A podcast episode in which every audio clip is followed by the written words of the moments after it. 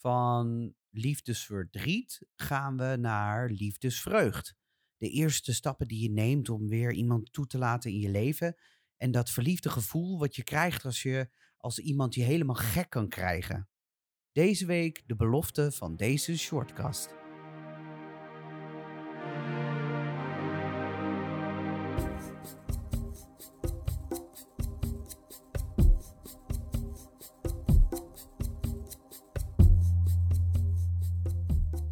Hoi, en wat leuk dat je weer luistert naar een nieuwe aflevering van deze shortcast. Mijn naam is nog steeds Martin en ik heb weer een nieuw ongehoord pareltje van Madonna voor je klaarstaan. Het zal je vast niet ontgaan zijn, maar het is Eurovisieweek deze week. En dat staat natuurlijk in het teken van muziek.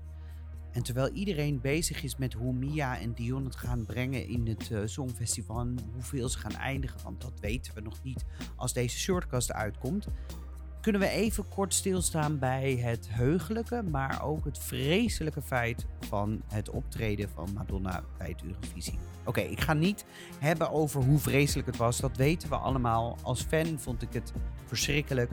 Ik ben er niet blij mee. Ik ben blij dat er een geopgepoetste versie staat op YouTube. Ehm, maar verder wil ik er geen woorden aan vuil maken.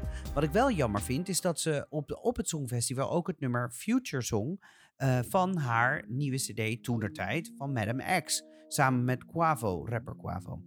Ja, het was een soort van voorbode eigenlijk, zeiden mensen. Want ze had allemaal uh, ja, mensen in gasmaskers en uh, teksten als in uh, Not everybody's coming to the future.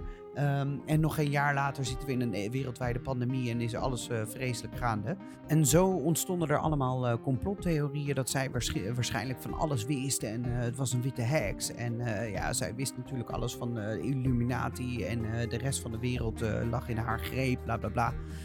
Nou, niks is minder waar. Wat ik wel jammer vind, is dat het nummer Future eigenlijk een heel goed nummer is en echt een goede boodschap heeft. En dat is dus jammer dat dat helemaal verloren is gegaan in het geweld van de kritieken naar deze, uh, van deze optreden, of dit optreden.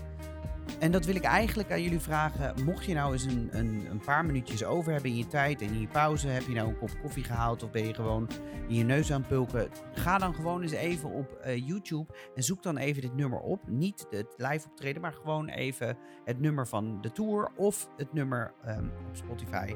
En dan, dan luister je die eventjes en dan hoor je dat het best wel een goede, goed nummer is. Net zoals vele nummers van de CD Madame X. En die heeft er echt veel. En ik moest er één kiezen, want ik dacht, ja, deze serie is helemaal niet zo bekend in de wereld, is helemaal niet zo goed opgepikt door de mainstream media. Dus ik moet wel eigenlijk kijken van wat zijn dan de nummers die, ja, die ze niet uitgebracht heeft als single of waar ze geen video van heeft gemaakt. Dus dan kom je toch op een paar nummers uit waar, um, ja, waar, die nog minder bekend zijn dan de rest. En het nummer wat ik deze week wil uitlichten heet dan ook Crazy. Crazy komt vanaf, het, vanaf de CD, zoals ik zei, Madame X uit 2019. En het is een album wat um, nog nooit zo accuraat is geweest voor ja, politieke statements en um, ja, eigenlijk uh, hele heftige teksten over anti-geweld, uh, anti-homofobie um, en over uh, de onderdrukking van zwarte mensen, maar ook over gun control, et cetera. Maar het heeft ook een hele hoop nummers over hoop en geluk en liefde. En één daarvan is dus Crazy. Crazy is het achtste nummer van het album. En het nummer waarop de meeste uh, Portugese invloeden ook te vinden zijn. En op dat moment, uh, deze CD is heel heftig geïnspireerd op haar leven in Portugal, een, lange tijd. Um, en heeft daar dus ook heel veel fado-invloeden in haar um, muziek verwerkt. En dat merk je ook wel in, deze, in dit nummer. Het is een hele mooie mix tussen RB en fado-muziek, vind ik zelf. Het nummer doet uh, heel veel mensen een beetje denken aan de rustige uh, RB-kant van um, de Bedtime Stories in 1994. Maar dan wel weer met een eigen sound van 2023, of tenminste 2019 op de tijd. Het nummer is geen single geweest en is ook een van de weinige nummers op de CD die geen videoclip heeft. Dus perfect voor deze shortcast. Wel heeft Madonna dit nummer live gezongen tijdens de tour in de, tijdens de, M, of de Madame X Tour. Ze wil elke keer MDNA zeggen, maar het is Madame X natuurlijk.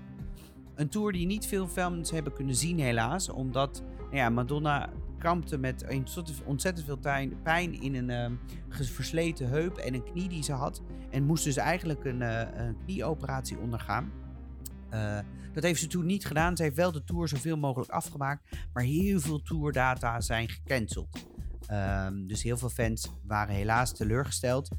Ehm, ik heb gelukkig het geluk gehad dat ik wel één data had in Parijs waarop ik eh, eh, haar toch kon zien voor dit concert.